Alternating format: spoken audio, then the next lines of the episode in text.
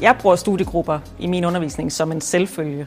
Øh, alle studerende skal involveres i at tale med hinanden om stoffet. Alle får stillet de spørgsmål, der trænger sig på, så undervisningen bliver så relevant som muligt. Det fanger de studerende øh, socialt, det understøtter deres trivsel, og øh, det styrker deres læring.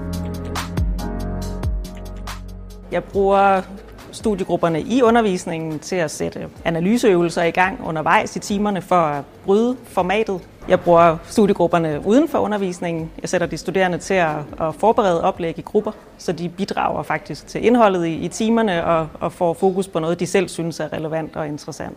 Og når vi laver undersøgelser på, hvor meget de lærer, så får de cirka dobbelt så meget ud af læringen, når de gør det sammen, som når de gør det individuelt. Dannelse af grupper øh, kan for en lærer godt være lidt af en udfordring, fordi det kan tage rigtig lang tid. Der er rigtig mange hensyn, der skal tages. Det kan både være faglige, men det kan selvfølgelig også være sociale. Det vi gør er, at vi beder de studerende udfylde et spørgeskema, og så sætter vi dem sammen øh, efter deres forkundskaber.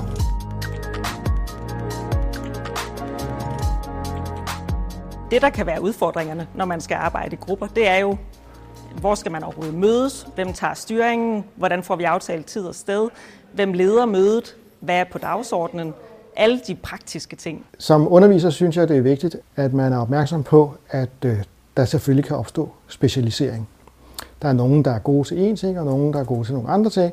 Og hvis man øh, fastfryser konstellationerne, så kan det være, at den enkelte elev ikke får alle de kompetencer, som, øh, som vedkommende skal opnå. Der, hvor jeg underviser, der danner vi nye studiegrupper hvert semester i de første to studieår. Og jeg kan se, at de studerende tager både gode og dårlige erfaringer med sig videre, så grupperne faktisk fungerer bedre og bedre, også de nydannede. Man kan meget hurtigt tage for givet, at studerende selvfølgelig ved, hvorfor man arbejder i grupper og hvordan. Men det er faktisk en kæmpe hjælp at have nogle arbejdsspørgsmål og nogle rammesættende øh, anvisninger, så de studerende får reflekteret over, hvorfor de arbejder i grupper, hvad formålet er, øh, og hvordan de vil gribe det an.